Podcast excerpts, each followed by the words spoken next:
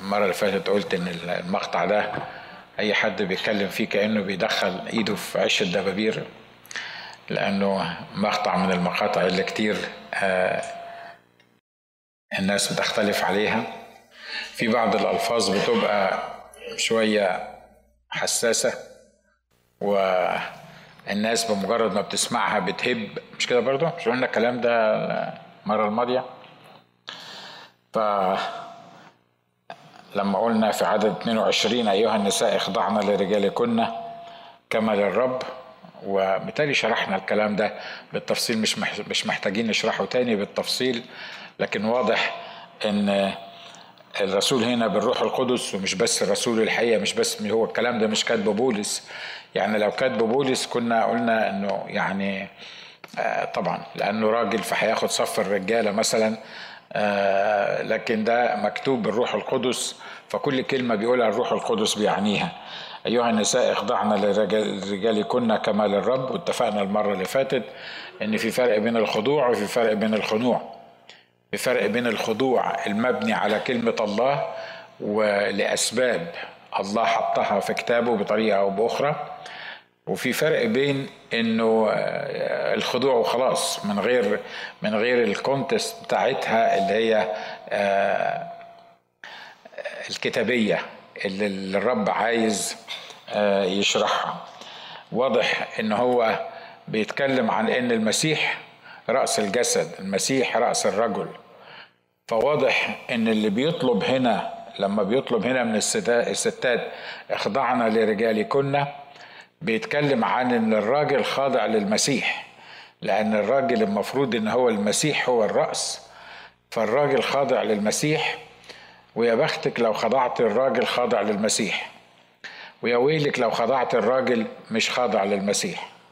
لأن الموضوع ما هوش الراجل ولا الست الموضوع إنه لازم الكل يبقى في تناغم وتوافق مع بعض وكل المقصود من القطعة دي أو كام عدد دول كلهم يتحققوا مع بعض. فعشان كده الرسول هنا ابتدى بالنساء أيتها أيها النساء اخضعن لرجالكن كما للرب. مش زي ما قلت مش هنعيد كل حاجة بالتفصيل لأنه الخضوع للرب هو خضوع في كل شيء.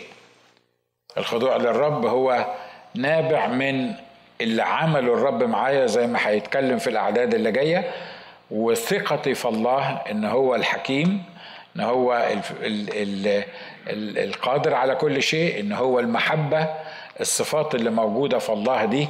عشان كده الرسول هنا يعني عايز أركز على الحتة دي إن الرسول ما بيتكلمش عن مجرد اتنين ستات واحد واحدة ست واحد راجل وبيقول للست اخضعي للراجل. لأن في رجالة مفوتة وفي ستات مجانين. فيعني نشكر الله الموضوع مش رجالة ولا ستات ببساطة كده يعني أنا عارف إن إحنا على الهوا بس دي حقيقة اللي موجود. الرسول هنا بيحط الصورة المثلى أو المثالية لعلاقة الراجل بالست وهما الاثنين قبل ما تبقى العلاقة دي اللي إحنا بنتكلم عليها هما الاثنين لازم يكونوا فاهمين إن هما الاثنين كجسد في علاقة بينهم وبين المسيح. ولو طلع المسيح من الصورة يبقى كل الكلام اللي بيتقال ده ملوش لازمة لأن هو أصلا الموضوع هو خضوع للمسيح. ولما أخضع للمسيح وقوانين المسيح وحياة المسيح فيا وعمل الروح القدس فيا هقدر أفهم إيه معنى الخضوع اللي بيتكلم عليه بين الراجل وبين الست. إحنا بنشوف الناس اللي فايرة دي وإزاي ونخضع إزاي والراجل مش عارف صفاته إيه ونعمل إيه والقصة دي كلها لأن الموضوع أصلا مش مفهوم صح. الموضوع الرسول هنا مش قاعد يعني بيشرب شاي مثلا ولا حاجة وبعدين قرر يقول للستات يا ستات اخضعنا لرجالكن. خلاص دي ما فيهاش فصال لازم تعمل الحكاية دي. وانتوا يا رجالة كمان حبوهم. خلاص ما دام هم هيخضعوا لكم حبوهم. الموضوع مش كده. الموضوع هو بيرسم العلاقة اللي بين المسيح والكنيسة وبيطبق العلاقة دي على الراجل والست مع بعض علشان الحياة مش هتستقيم والحياة مستحيل تقدري تستمتعي بيها أو أنا أستمتع بيها إن ما كنتش فاهم العلاقة بين الراجل والست. إحنا طبعا أكتر ناس مشوهين العلاقة دي في الشرق الأوسط. ليه؟ لأن إحنا في مجتمع زي ما قلت هناك الرجال قوامون على النساء وشهادة المرأة عورة ومش عارف مين والقصة دي. إحنا مش مش هنتكلم في الإسلام بس عشان ما تزعلش الأخت أماني. بتقول لي ما, بحبش أسمع أي حاجة عن الإسلام و... وأنت بتتكلم من على المنبر. بس الحقيقة ده ده ده اللي إحنا عايشين فيه. ده المجتمع اللي إحنا اتربينا فيه. طبعا المجتمعات بتاعتنا للأسف بدل ما الكتاب هو اللي بيبقى بيحدد إحنا بنتصرف إزاي ونعيش حسب الكلمة النبوية التي هي أثبت المجتمع هو اللي بيشكل الكلام اللي بيقوله الكتاب. المجتمع هو اللي بيشرح لنا الكلام اللي بيقوله للكتاب. ولا عجب إنك تلاقي مجتمع الستات فيهم ملغيين تماما ومجتمع تاني الرجالة هم الملغيين تماما. واضح اللي أنا عايز أقوله مش كده؟ ف والعملية خبطه ليه؟ لأنه العدو ليه هدف من كده.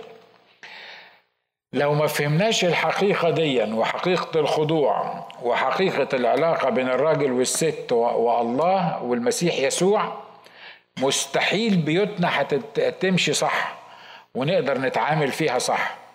ولو كناش ماشيين في البيوت صح مستحيل هنقدر نعكس ده على كنيسة الله.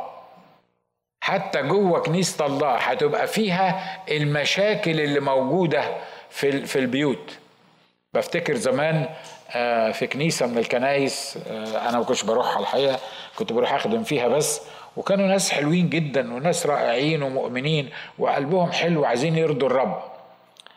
بس فهموا النصوص دي غلط. وخصوصا إن تصمت نسائكم في الكنائس. هو مفيش آية بالنص بيقول كده لكن ما معناه ال ال الكلام ده. إنه لست أذن للمرأة أن تتكلم أو تعلم كلكم عارفينها دي فطلعت في دماغ واحد من الشيوخ قال لك لا الكتاب قال إن الستات تسكت في الكنيسة. فعمل إيه؟ قال الستات ما تشتركش في أي خدمة ابدا. الستات تخرس خالص. ما تعملش ولا حاجة في ولا حاجة. كان في فريق الترنيم اتنين من من الشابات الصغيرين سنهم مثلا 13 14 سنة. دول كمان اعتبروهم ستات. وقالوا إنه حتى فريق الترنيم دول ال 13 و 14 سنة دول ما ينفعش إن إن البنات دول لأن البنات دول أصلا من من الجنس الستاتي يبقى هو المفروض إن هم كمان ما يرنموش. وحصلت مشكلة في الكنيسة كبيرة جدا. وتستغربوا إن الكنيسة دي لمدة سنين كانت محكومة بواحده ست. فبمجرد ما هم حسوا إنه في يعني يعني حاجة تخلصهم من من القصة دي إبليس ضحك عليهم وفسر لهم الكلام اللي إحنا بنقوله ده غلط لدرجة إن هم فعلا منعوا الستات إنها تتحرك في الكنيسة إنها تتكلم في الكنيسة إنها ترنم في الكنيسة أو تعزف في الكنيسة. ما تعملش ولا حاجة الست ما تعملش ولا حاجة في الكنيسة. هو ده اللي الرب قصده يقوله في الكتاب؟ هو ده يعني لو كان تأثير الستات 75% من من المجتمع اللي إحنا عايشين فيه هو ده اللي الرب قصد يقوله. لكن على الناحية التانية هكرر الجملة دي مرة تانية عشان تقدر تفهمها. الموضوع مش ستات ورجالة الموضوع مش نساء ورجال. الموضوع علاقة بين المسيح والكنيسة ومستحيل الستات تخضع لرجالهن والرجاله يحبوا نسائهن نسائهم إلا إذا عرفوا العلاقة اللي موجودة بين المسيح والكنيسة.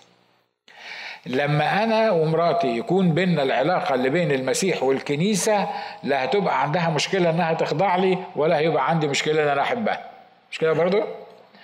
وما دام في خضوع وما دام في محبة وخلي بالكم إن الكتاب في مكان تاني بيقول خاضعين بعضكم لإيه؟ خاضعين بعضكم لبعض. مرة تاني أو مرة 15 بقول للأسف لأجل ال ال ال البيئة اللي إحنا تربينا فيها. فإحنا حاجة من علامات الرجولة إن ممكن واحد يقول كلمة ويقول لك أنا ما برجعش فيها. ليه؟ لأن حفظونا وإحنا صغيرين.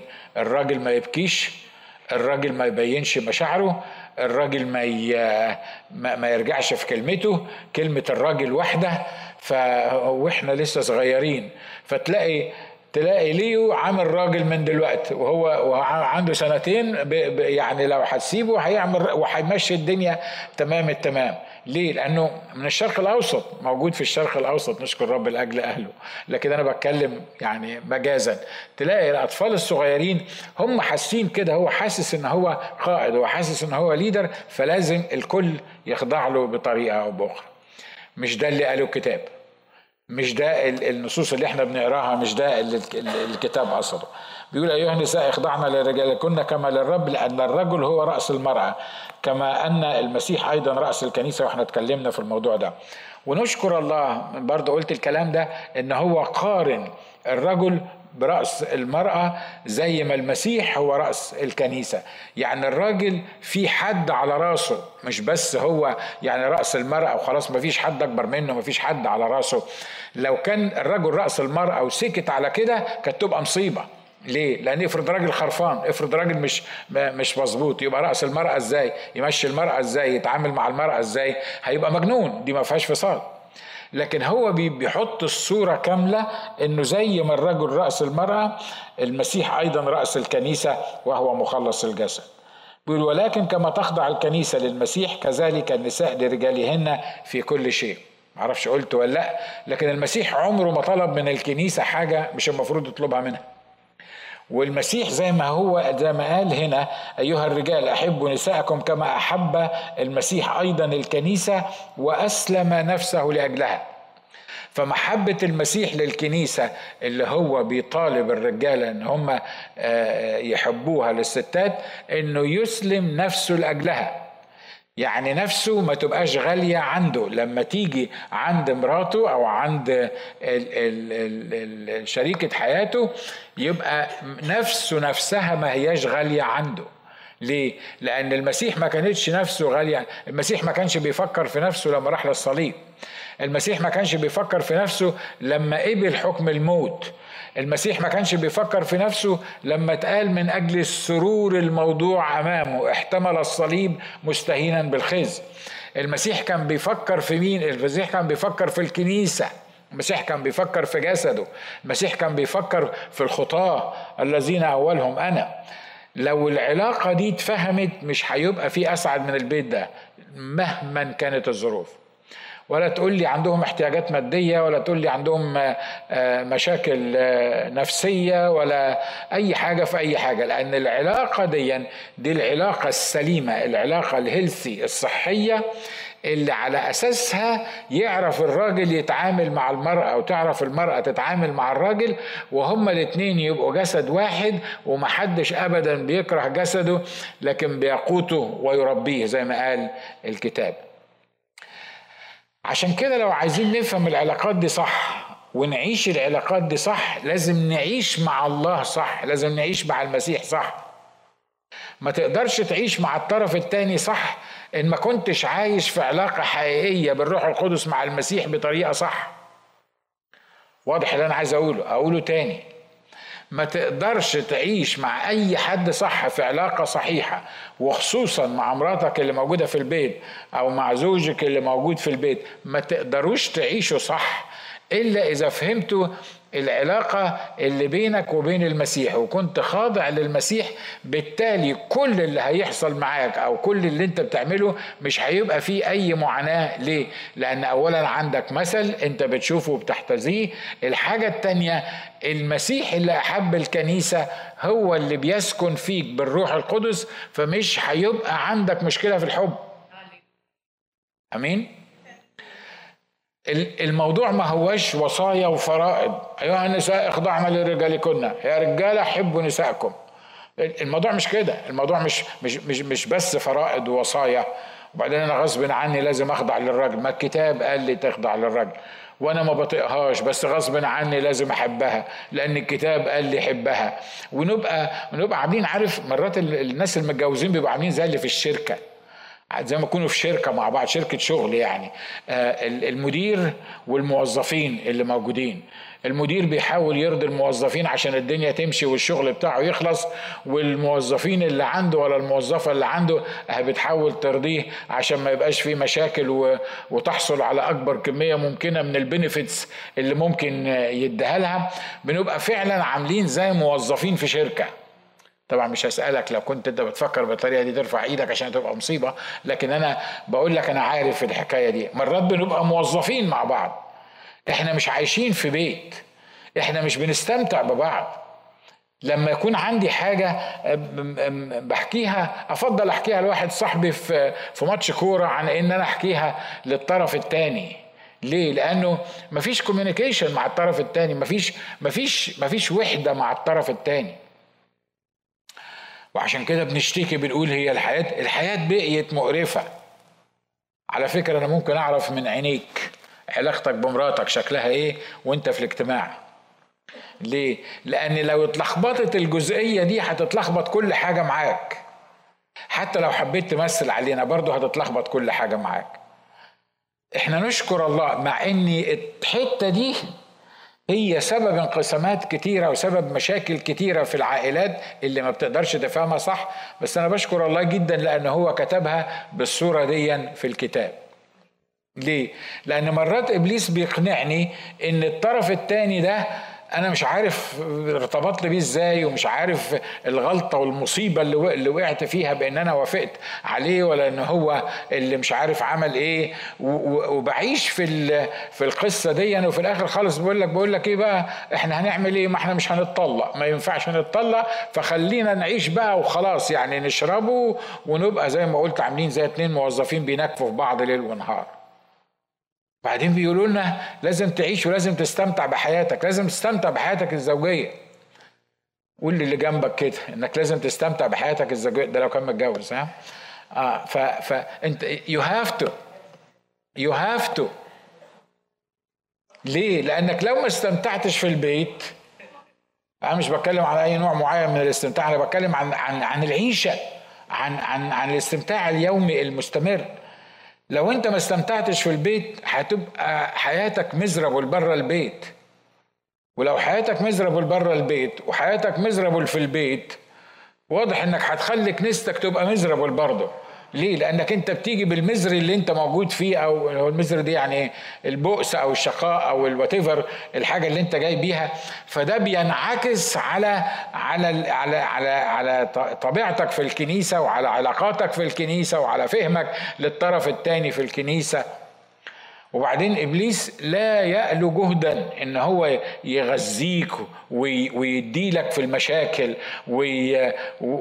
ويسمعك الخلافات والأمثلة المعوقة وشورة المرأة مش عارف لو صحت تخرب البيت آه، سنة وهي هي هي ونضحك على على الأمثلة دي ولما هو هو بيشيل الأمثلة دي على فكرة بايظه في جرابه ويطلعها لك وانت قرفان. ساعتها مش تكونش بتضحك. تقول صدق. اللي قالوه صح. هي شرط المرأة تخرب البيت لو صحت.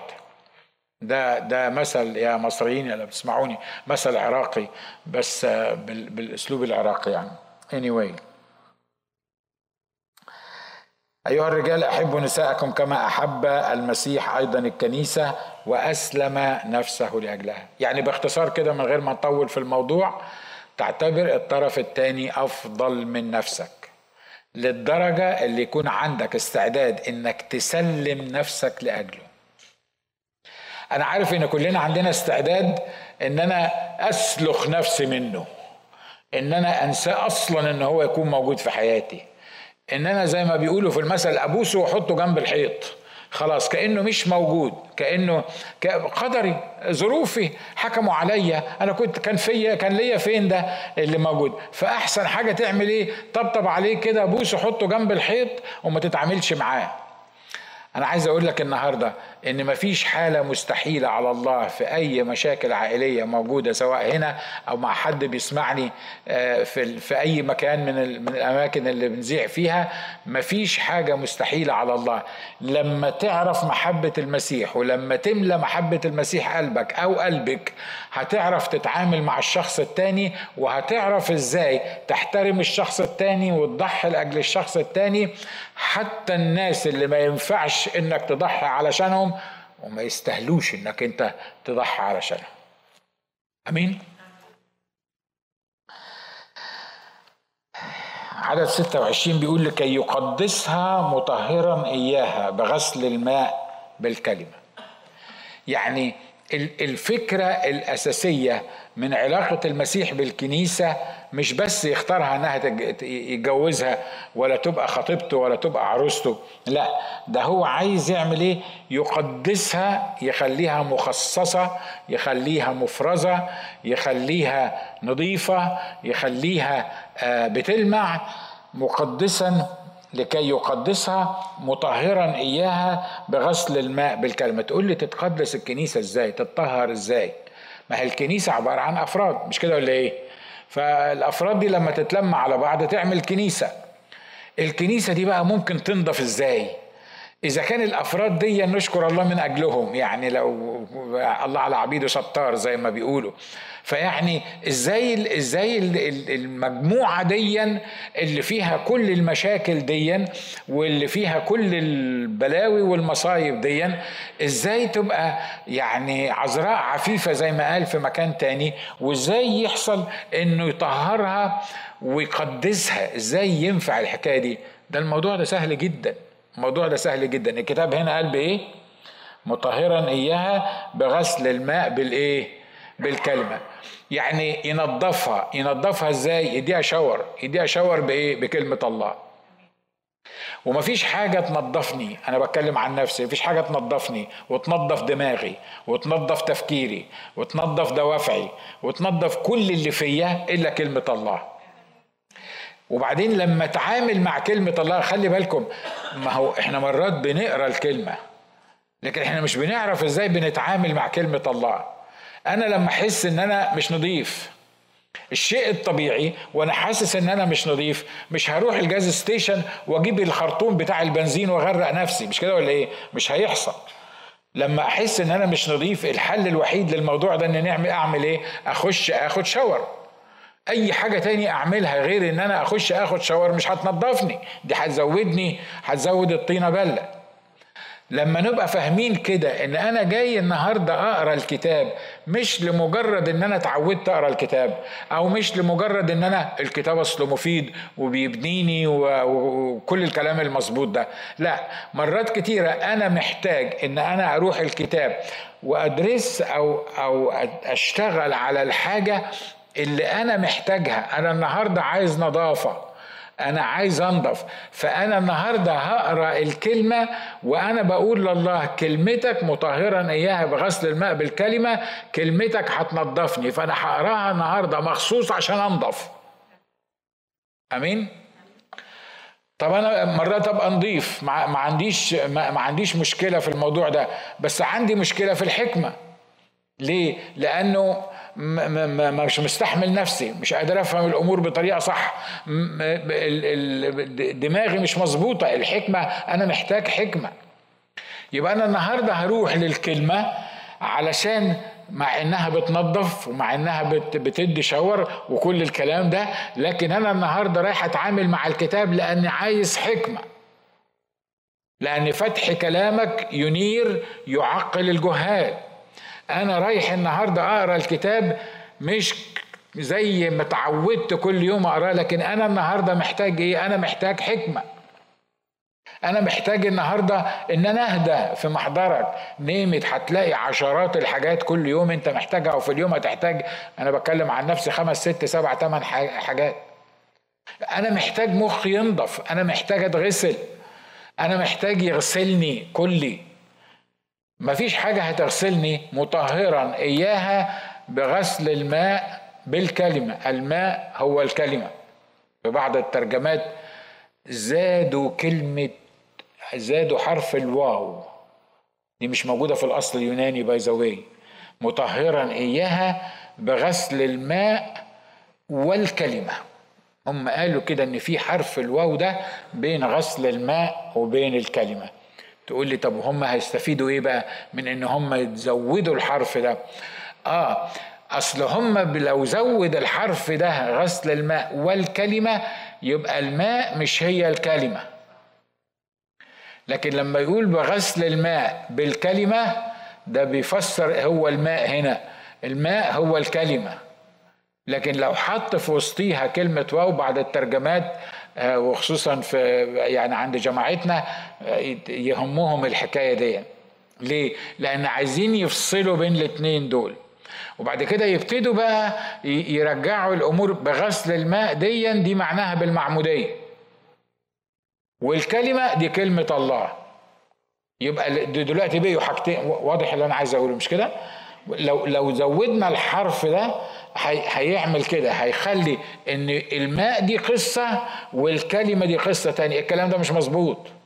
لأن الأصل اليوناني بيقول بغسل الماء بالكلمة بيتكلم عن إن الكلمة هي هي نفسها الماء. واضح إن في في أماكن كتيرة لما الرب بيقول إن عطش أحد فليقبل إلي ويشرب بيتكلم عن الروح القدس وبيتكلم عن كلمة الرب وفي آيات كتيرة بتقول عن الكلمة هي هي المية. فعشان كده مرة تاني بقول إن الهدف بتاع العلاقة بين المسيح والكنيسة لكي يقدسها مطهرا إياها بغسل الماء بالكلمة تقولي طب لو طبقنا الحكاية دي على على الراجل والست مثلا يعني يعني إيه حكاية بقى بغسل الماء بالكلمة دي كلمة الرب؟ على فكرة كلمة الرب مش بس تغسلني بتغسل اللي قدامي. ركز معايا في اللي أنا بقوله. عارف أنا ليه مرات كتيرة ما بطيقش اللي قدامي؟ لأني بشوفه مش نظيف. أنا نظيف بس هو مش نظيف. أنا مش غلطان. هو اللي غلطان. أنا مش بتاع المشاكل هو بتاع المشاكل. عارف لما تخلي الكلمة تغسلك؟ لما تغسلك وتغسلني عينيا تشوف اللي قدامي بطريقة صح. يبقى كأنها غسلتني أنا وغسلته هو لأن إحنا جسد واحد. لما أتعامل مع مراتي بعيد عن الكلمة النبوية التي هي أثبت لازم لو هي ملاك نازلة من السماء لازم هلاقي فيها مشاكل ولازم هلاقي فيها عيوب ولو هي هتتعامل معايا بعيد عن الكلمة النبوية التي هي أثبت والمية اللي بتغسل عينيها وبتغسل عينيا مستحيل لما أنا أكون أحسن راجل في الدنيا برضه هتشوف في عيوب الدنيا صح؟ لكن لما إحنا الاتنين نغسل وشنا ونغسل عينينا كده ونستهدى بالله زي ما بيقولوا ونغسل عينينا بالكلمة النبوية التي أثبت صدقني حتى لو الطرف الثاني ما اتغيرش وبرضه بيتصرف بنفس الطريقة الغبية وبنفس الطريقة الهجومية لكن لما عينيا بتنضف أنا بقدر أشوف الحاجة الميزة اللي موجودة فيه أكتر من العيوب اللي موجودة فيه وده اللي عايز يقوله في علاقتنا رجالة وستات مع بعض في البيوت. حد موافق على اللي أنا بقوله ده؟ ولا أنا محمل النص زيادة عن اللازم؟ متهيألي مش محمل النص زيادة عن اللازم. لكي يقدسها مطهرا إياها بغسل الماء بالكلب. لكي يحضرها لنفسه كنيسة مجيدة. لا دنس فيها ولا غضن ولا ولا تكسير ولا تجعيد أو شيء من مثل ذلك بل تكون مقدسة وبلا عيب. الهدف الأساسي في تعاملات الله معانا والمسيح معانا إن يخلينا ككنيسة وعلى فكرة الكنيسة مش لازم تبقى يعني حاجة كبيرة قوي كده وفيها أعضاء وبتاع ومرنمين ووعاظ وخدام ومش عارف مين. البيت بتاعك ممكن يبقى كنيسة. البيت الاثنين أو ثلاثة باسمي اللي اتجوزوا باسمي أو اللي اجتمعوا باسمي ممكن يبقى هو ده الكنيسة اللي بيتكلم عنها. لكن هنا بيتكلم عن الكنيسة العامة بيقول إن الهدف إن هو بيغسل فيها ليه؟ بيطهر فيها ليه؟ لأن هو حاطط في دماغه حاطط في, في الانتنشن بتاعه. هو هيعمل كده لكي يحضرها لنفسه كنيسة مجيدة. خلي بالكم من نفسه دي يحضرها لنفسه. يسوع ما بيجددناش وبيرمينا وخلاص وإن شاء الله تعالوا لي السما كده وأنا يعني هبقى أقابلكم هناك. لا ده يسوع لما بيجمل في الكنيسة وبينظف في الكنيسة وبيغسل في الكنيسة في, بالكلمة بيغسلنا لنفسه. ليه؟ لأنه هيرتبط بينا وهو القدوس. والقدوس ما ينفعش يرتبط بحد مش مش قديس أو قدوس آه، مخصص ليه. فما ينفعش يعمل كده. فكل الهدف بتاعه إن هو يخلي الكنيسة دي تبقى مقدسة تبقى جماعة مقدسة مفروزة محطوطة على جنب كده لخطيبها ليوم الزفاف السعيد اللي هيجي ياخدها فيه. آمين؟ ليحضرها لنفسه كنيسة مجيدة. فيها مجد. كنيسة الناس بتشاور عليها. تقول لي هو فين اللي انت بتقوله ده؟ هي الكنيسة الأيام ديا. يعني ينطبق عليها اللي انت بتقوله ده؟ وطب هو فاضل في الزمن زمن كتير قوي يعني تاني عشان ربنا يعمل اللي انت بتقوله ده؟ يعني انت أنتوا معايا مش كده؟ ها؟ انت انت بتتكلم على الكنيسة بتاعت الأيام دي أنا بتكلم على الكنيسة من ساعة ما المسيح مات وأسلم نفسه لأجلها لغاية آخر لحظة هيجي المسيح علشان ياخدها. هي دي العروسة هي دي جسد المسيح هي دي الكنيسة اللي عايز يحضرها لنفسه كنيسة مجيدة بلا دنس وبلا عيب وبلا غضن طب يبقى فشل في المهمة بتاعته. أكيد فشل في المهمة بتاعته. لأن إحنا كل ما الزمن بي بي بي يعني بيمشي شوية إحنا بنشوف الكنيسة مش بقيت مجيدة ومقدسة وبلا عيب وبلا غضن ده إحنا بنشوف الكنيسة مش عارف أقول إيه من على المنبر يعني. مش عارف أستخدم يعني بحاول أجيب ألفاظ كويسة يعني آه عشان نعرف نستخدمها. ده إحنا بنشوف الدنيا خربت أكتر. ده إحنا بنشوف الناس ضلت أكتر. ده إحنا بنشوف الكنيسة ارتدت أكتر. ده دلوقتي بي بيغنوا وبيأذنوا مع في نفس الوقت. ده دلوقتي ده دلوقتي بيعملوا حاجات ما حتى الكنيسة الأولى ما كانتش بتعملها والكنيسة من قرون بس ما كانتش بتعملها. دي مصيبة سودة اللي بتحصل في الكنيسة. ده واضح إن الكنيسة مش بتتعدل يوم الزفاف. ده واضح إن الكنيسة خلاص نامت ونسيت حكاية الزفاف دي. وواضح إن المسيح أصلا أقول إيه بس هو ما بيفشلش أصله عشان أقدر أقول فشل فيها. هو مش ما بيفشلش ومش هيفشل في الكنيسة. تقول لي طب نوفق بين الكلام اللي انت بتقوله ده إزاي والكلام الكتابي؟ الكلام الكتابي بيقول لكي يحضرها لنفسه كنيسة مجيدة لا دنس فيها ولا غضن أو شيء من مثل ذلك بل تكون مقدسة وبلا عيب. وبلا عيب ما فيهاش عيب الكنيسة ما فيهاش عيب الكنيسة اللي ما قدرش يخشها المسيح النهاردة ما فيهاش عيب. الكنيسة اللي خلطت التبن مع الحنطة وخبطت العملية معاها ما فيهاش عيب. الكنيسة اللي, اللي إنجاز التعبير كل تصرفاتها بتقول عكس الكلام اللي مكتوب. وكل ما بتتقدم الأيام بتشوف الكنيسة بتسوق. ما بتشوفهاش ما بتشوفهاش بتقف على رجليها وما بتشوفهاش بتبقى فعلا الكنيسة اللي بيتكلم عنها هنا. عايز أقول لك حل للموضوع ده.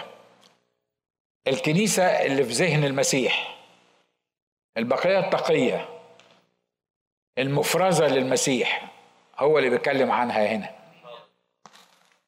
مش كل من قال إنه عضو في كنيسة ومش كل من قال إن هو قبل المسيح مخلص شخص لحياته كل الناس اللي عايشة فعلا للمسيح كل الناس اللي أصرت إنها لا تحني ركبة لبعد. تقول لي هم فين؟ إحنا شايفينهم. ما إحنا مش شايفينهم. إحنا مش شايفين الخراب وشايفين الدمار اللي موجود. مش مهم انت تشوفهم بس هو شايفهم. امين؟ في أيام ايليا الراجل كان هيتجنن. الراجل كان هيتجنن واقف على جبل الكرمل في في في في في المعركة الكبيرة بتاعه أنبياء البعل وأنبياء السواري 850 وهو واقف لوحده.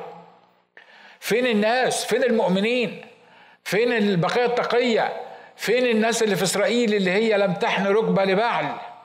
أنا مش شايف حد موجود. أنا متهيألي دي حاجة يعني كانت تعمل فعلا اكتئاب لإيليا big time ليه؟ لأنه إيه الفايدة إن أنتوا كنيسة وعندي 200 واحد في الكنيسة وعند الجد ما تلاقيش حد يقف معاك أو ما تلاقيش حد يقول كلمة حق.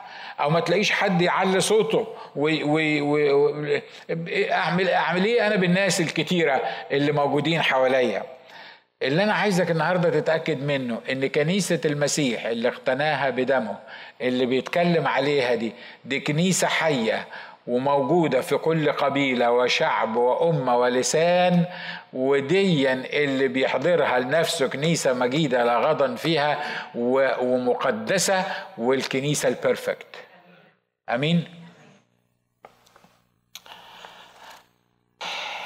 لو جيتوا معانا الأماكن اللي كنا فيها مش عايز أقول أسماء البلاد اللي كنا فيها عشان ما نعملش مشاكل عائلية على الإنترنت.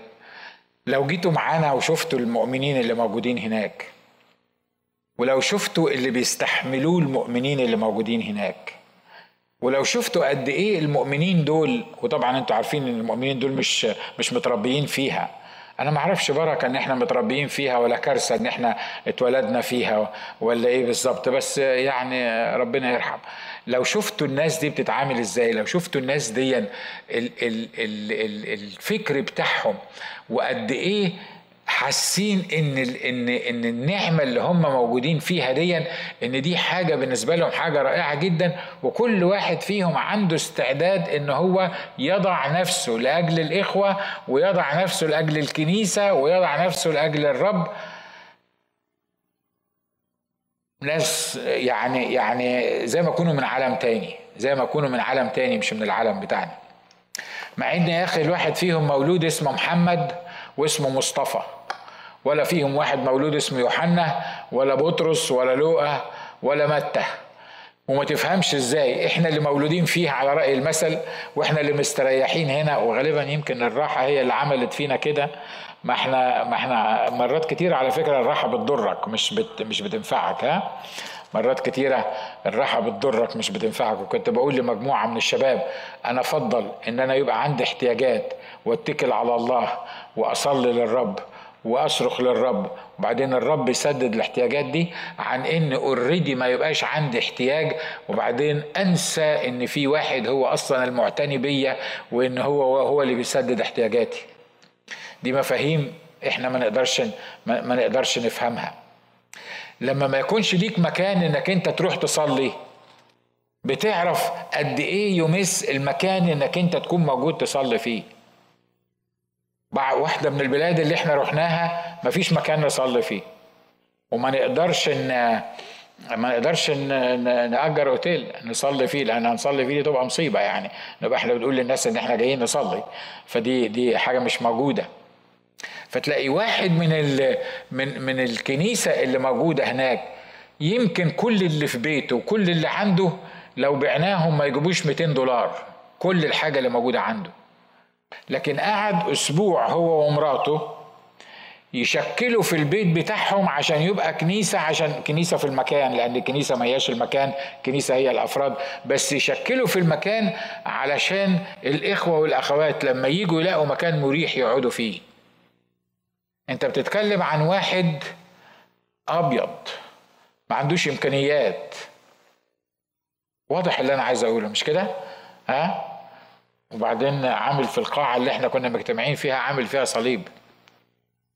فأنا بقول له يا ده المصيبة. افرض حد جه زارك من حبايبنا ويبص هناك قال لي بقول لك إيه أنا المسيح قال لي اعمل كده. قال لي اعمل في بيتكم في الصلاة اللي انت قاعد فيها دي اعملها. أوضة النوم بتاعته خد حتة منها قسم أوضة النوم بتاعته. وطبعا أوضة النوم أنتوا عارفين اوض النوم في في الشرق الأوسط مش مش زي اوضتك اللي انت لو كان عندك بيت كبير ولا بتاع مش زي الأوضة اللي حضرتك يعني بتطلع من السرير تفضل تتمشى لغاية الحمام آه، لمدة ثلاث دقائق وبعدين تطلع في الفرندا وتبص على الجمال. أنتوا عارفين أوضة النوم اللي, اللي بتبقى موجودة هناك. هي قد كده أصلا واخد منها حتة قاطع منها حتة عشان يعملها حمام علشان الكنيسة لما تروح عنده تستخدم الحمام اللي قطع من أوضة النوم بتاعته. أنا مش عايزك تحزن أنا عايزك تمجد الرب. أنا مش عايزك تقول خطية. ناس دول خطية تعبانين. دول مش تعبانين إحنا اللي تعبانين. الناس دول ما بيخسروش الناس دول عايشين في فرح مستمر. الراجل واقف بيقول لك لما يكون أبويا حرامي وجدي حرامي بتاع مخدرات. بيقول لما يكون أبويا بتاع مخدرات وجدي بتاع مخدرات أبقى أنا إيه؟ فالناس اللي قاعدين قالوا له تبقى بتاع مخدرات قال لهم مش بس كده أنا بتاع مخدرات وحرامي قبل ما أعرف المسيح. وقعد يحكي لنا على الحاجات اللي كان بيسرقها. دلوقتي لما تشوفه وهو الرب بيديله نبوات بالحرف لناس معينين ولما تشوف الطريقة اللي هو عايش بيها تقول لا هي الكنيسة مجيدة وهيحضرها لنفسه كنيسة مجيدة زي ما قال الكتاب هنا بالظبط لكي يحضرها لنفسه كنيسة مجيدة لا دنس فيها ولا غضن ولا شيء من مثل ذلك بل تكون مقدسة وبلا عيب. بص للي جنبك قول له الكنيسة اللي بلا عيب موجودة دلوقتي. أمين؟ اوعى إبليس يضحك عليك ويقول لك الكنيسة كلها عيوب. الكنيسة الإسمية كلها عيوب وما أقصدش طائفة معينة. لأن في كل الطوائف كل الطوائف كل الكنائس الكنيسة اللي ما بترحبش بالروح القدس هي اللي فيها العيوب. الكنيسة اللي الروح القدس ما هوش القائد بتاعها هي اللي مليانة عيوب. لكن الكنيسة اللي بيتكلم عنها هنا في أفسس خمسة اللي قال عنها لكي يحضرها لنفسه كنيسة مجيدة لا دنس فيها ولا غضن أو شيء من من مثل ذلك بل تكون مقدسة وبلا عيب الكنيسة دي موجودة من كل قبيلة وشعب وأمة ولسان.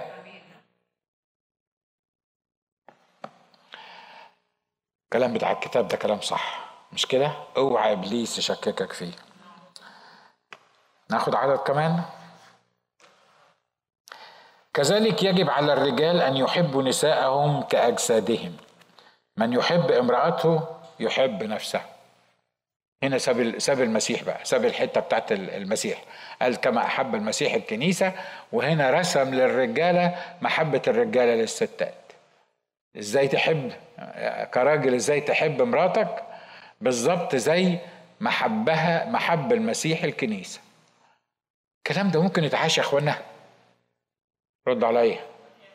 الكلام ده ممكن يتعاش. في راجل بيحب مراته كما حب المسيح الكنيسة طب ما يبقى يقول لي بعد الاجتماع يعني بي يعني يعني بيعمل إيه وبيتصرف إزاي و و و الكلام ده حقيقي الكلام ده حقيقي. ممكن واحد يحب كما أحب المسيح الكنيسة عارف صدقني الكلام ده حقيقي جدا وإلا ما كانش الرب كتبه. عارف المفتاح بتاعه إيه؟ إن أنا كراجل أسيب المسيح يحيا فيا المسيح اللي يحيا فيا هيخليني أنا أحب مراتي زي ما المسيح اللي يحيا فيا أحب الكنيسة. لأن الموضوع ده مش أنا. خلي بالكم إن في عدو شغال مخصوص في فرق مخصوصة من قوات الشر الروحية للأسر. في فرق مخصوصة كده جاهزة للأسر للأسر مش بس للأفراد جاهزة للأسر. ليه؟ لأنه يهمه إنه يحطم الأسرة بشكل أو بآخر.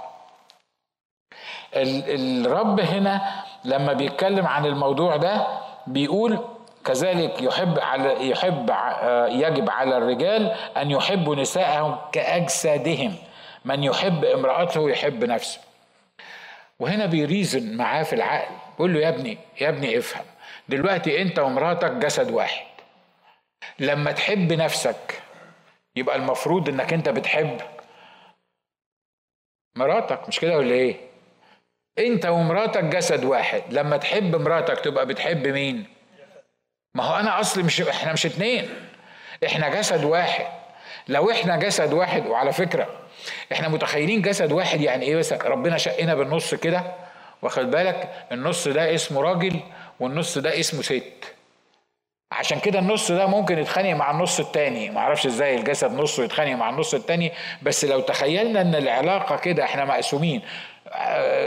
part راجل و part ست يبقى يبقى ممكن الاثنين يتخانقوا مع بعض. الموضوع مش كده. الموضوع مش كده. الموضوع إن الراجل والست الله عملهم كده وحدة واحدة لذلك يترك الرجل أباه وأمه ويلتصق بامرأته ويكون الإثنان جسدا واحدا.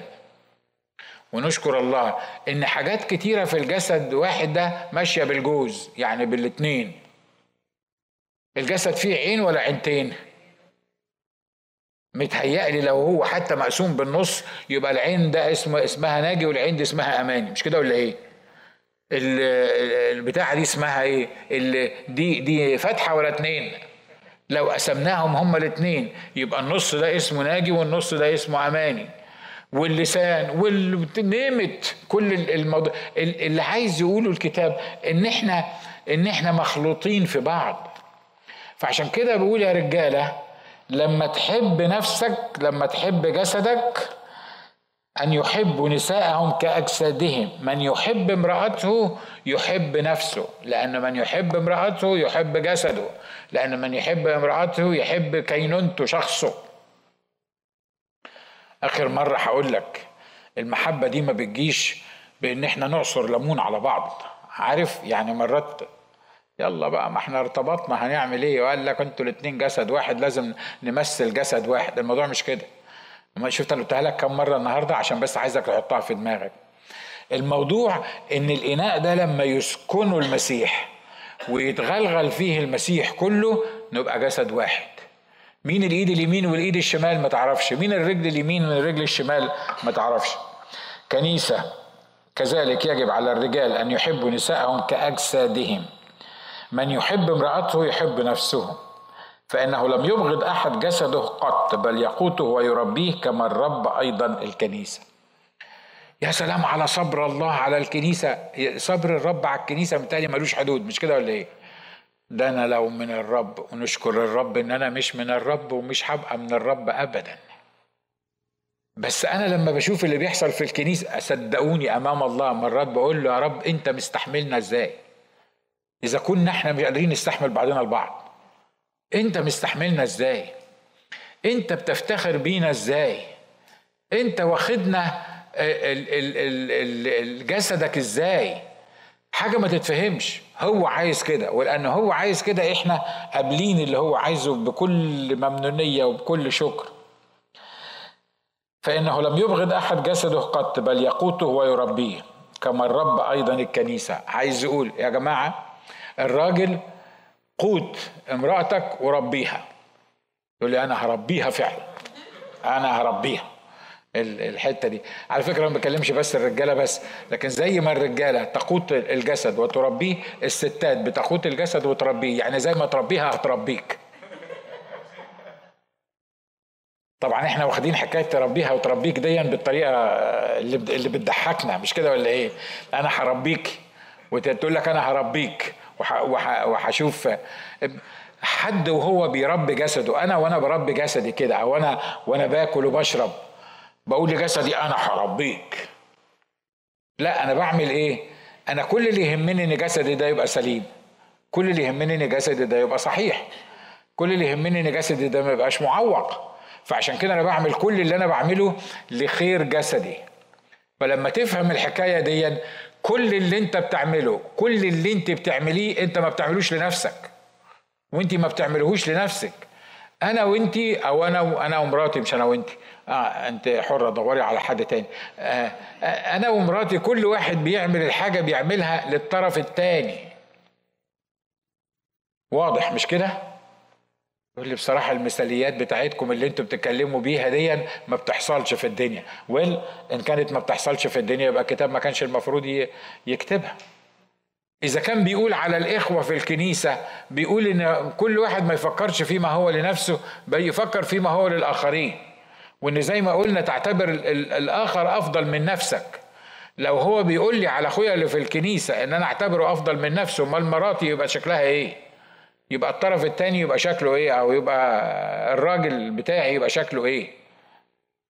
المفاهيم دي ما تزعلناش من بعض. المفاهيم دي ما تحسسناش إن في واحد مظلوم وراجل وعنده عضلات وفي مسكينة مكسورة الجناح. لا الموضوع مش كده. الموضوع إن الكتاب بيتكلم عننا كجسد واحد وهذا الجسد يسكن المسيح هذا الجسد يمتلك المسيح هذا الجسد يبارك المسيح هذا الجسد يقود المسيح هذا الجسد مش ملكي ولا ملكها ده هذا الجسد ده ملك المسيح. سهلة المفاهيم دي مش كده؟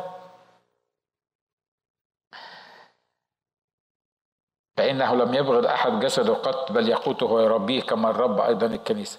لأننا أعضاء جسمه من لحمه ومن عظامه. دي الحتة اللي إحنا كنا بنتكلم عنها. أنا مش مش بس إحنا الاتنين بقينا عظم واحد ولحم واحد. ده إحنا بقينا معاه إحنا الاتنين جزء من لحمه وجزء من عظمه. الكنيسة هي لحم المسيح وعظمه. هي شخص المسيح. هي جسد المسيح. أمين؟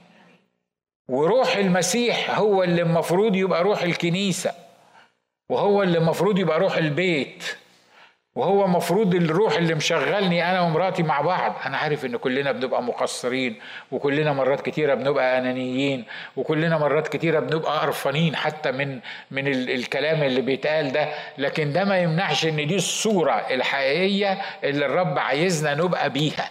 دي الصورة اللي الله بيبص لنا كعيلة من خلالها. ودي الصورة اللي إحنا محتاجين نطلب من الرب نقول له وصلني للكلام اللي انت بتقوله ده. آمين؟ صدقني لو بتصلي الصلاة دي من قلبك ما هيبقى عندك مشكلة كبيرة مع الطرف التاني. هو هو زي ما هو ويمكن ما يتغيرش. وعايز أطمنك لما تبتدي تصلي الصلاة دي هيسوق هتبقى مصيبته أكبر. عارف ليه؟ لأن العدو مش عايز يحقق الكلام ده في حياتك في أبسط حاجة يخليه يتجنن أو يخليها تتجنن يعني مش مش واحد بس. معلش كمان عدد وخلاص بيقول من أجل هذا يترك الرجل أباه وأمه ويلتصق بامرأته ويكون الإثنان جسدا واحدا. أجدع ناس إحنا نتكلم عن العدد ده في الجوازات. والكارت بتاع الفرح. آه يكون مش عارف مين يترك الرجل أباه وأمه. غالبا العروسة هي اللي بتختار الآية دي عشان بس تقول لجوزها إنك لازم تترك أباك وأمك وتلتصق بامرأتك وتكون الاثنان جسدا واحدا. وعارف يعني كلام كلام اللي في الكتاب ده مكتوب عشان يتعاش أنا هقف عند الحتة دي وهبتدي بيها المرة الجاية. الكلام اللي مكتوب في الكتاب ده مكتوب علشان يتعاش من أجل هذا هذا إيه؟ من أجل كل اللي إحنا قلناه اللي فات. من أجل إن محدش يبغض جسده بل يقوته ويربيه من أجل إن الجسد ده جسد المسيح. من أجل إن إحنا بقينا عظم من عظمه ولحم من لحمه. كل الأسباب دي اللي إحنا عمالين نتكلم فيها بقالنا أسبوعين. لو كانت كل الأسباب دي مجمعة تكون النتيجة في الآخر إن من أجل هذا يترك الرجل أباه وأمه والتصق بامرأته ويكون الإثنان جسدا واحدا. بعدين قال خلي بالكم أنا مش بتكلم عن الراجل والست هنا بس بيقول هذا السر عظيم. ولكن أنا هنكمل هنقول الكلام ده المرة الجاية. هذا السر عظيم ولكني أنا أقول من نحو المسيح والكنيسة.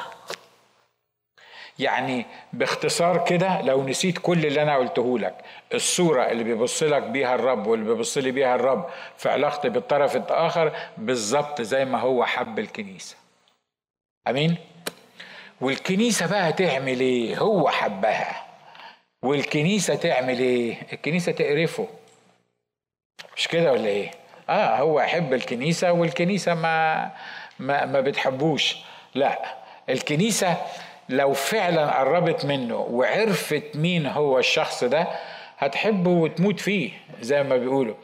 وعلى فكرة حتى لو ما حبتوش هو عنده ميشن. إنه يعقلها ويكبرها. مش بكلم عن الستات لأن نشكر الله في ستات أعقل من الرجاله وفي رجالة أعقل من الستات عشان نبقى واضحين. لكن هو بيتكلم عن السر العظيم ارتباط المسيح بالكنيسة. حد يصدق إن الله بيتكلم عن ارتباط الرجل بالمرأة زي ارتباط المسيح بالكنيسة؟ حد مصدق الكلام ده؟ معقولة الرب يشبه ارتباط الرجل بالمرأة الأسرة دي يشبهها بارتباط المسيح بالكنيسة. مش أنا اللي جبت الكلام ده من عندي الكتاب بيقول كده. لو أنا فهمت الحكاية دي لو أنا فهمت اللي الرب عايز يفهمهوني ويعلمهوني من الحكاية دي متهيألي هنبقى أسعد ناس موجودين على الأرض وهنفضل الغربة تمشي بسرعة ونروح السماء مع بعض ونعيش في سعادة إلى أبد الآبدين. تعالوا نصلي مع بعض. قول له يا رب ناجي يعرف يوعظ ناجي يعرف يقول ناجي يعرف يشرح. لكن ناجي ما يعرفش يخلينا أعيش. ناجي ما يعرفش يخلي نفسه يعيش الكلام اللي بيقوله. ناجي ما عندوش إمكانية إن يخلي نفسه يعيش الكلام ده. لكن الإمكانية هي من عندك أنت روحك الساكن فينا. روحك هو اللي يخلينا نعيش الكلام الكتابي ده. يا رب من كتر ما الكلام ده كلام رائع وعظيم إحنا مرات ما بنصدقوش. ولما نصدقه بنشعر إنه مستحيل التنفيذ في حياتنا. يمكن يتنفذ في حياة تاني بس في حياتنا مش ممكن يتنفذ. أشكرك لأن في حال في طريقة معينة نقدر ننفذ بيه الكلام ده. وهو إن روحك يشتغل جوانا. لأن إحنا عارفين إنه ليس بالقوة ولا بالقدرة بل بروحك أنت. أنا بصلي يا رب بالروح القدس النهاردة إنك تملأ كل إناء موجود قدامك سواء في هذا المكان أو بيسمعنا بأي وسيلة من الوسائل. وإن المشاكل يا رب اللي الناس فاكرة إن ملهاش حل. والناس اللي ماشية في طريق محاكمات و قضايا وغيره إنك تملأ قلوبها بشخصك. وإنك تفتح عينيها على الحقائق الروحية دي. وإن نديك فرصة إنك تعيش فينا. بنشكرك لأجل الكلمات دي. الكلمات دي هي اللي بتأكد لينا إن ده وحي من السماء. لأن محدش يقدر ينفذ الكلام ده إلا بمعونتك أنت وبروحك القدوس. لأن لو كان الكتاب ده كاتبه إنسان كان مستحيل يكتب الكلام ده فيه. لأنه هيكون عارف إن هذا الكلام غير قابل للتنفيذ بالقوة الإنسانية البشرية العادية. لكن لأن أنت عندك قوة الروح القدس اللي تقدر تغيرني وتغير إخواتي بيها فعشان كده أنت كتبت الكلام ده. وأنا بسأل إن أتغير إلى تلك الصورة عينها. بسأل أنك تغيرني وتغير بيتي وتغير حياتي وتغير مجتمعاتي. عشان يتم فينا هذا المكتوب. ليك المجد سيد كل الأرض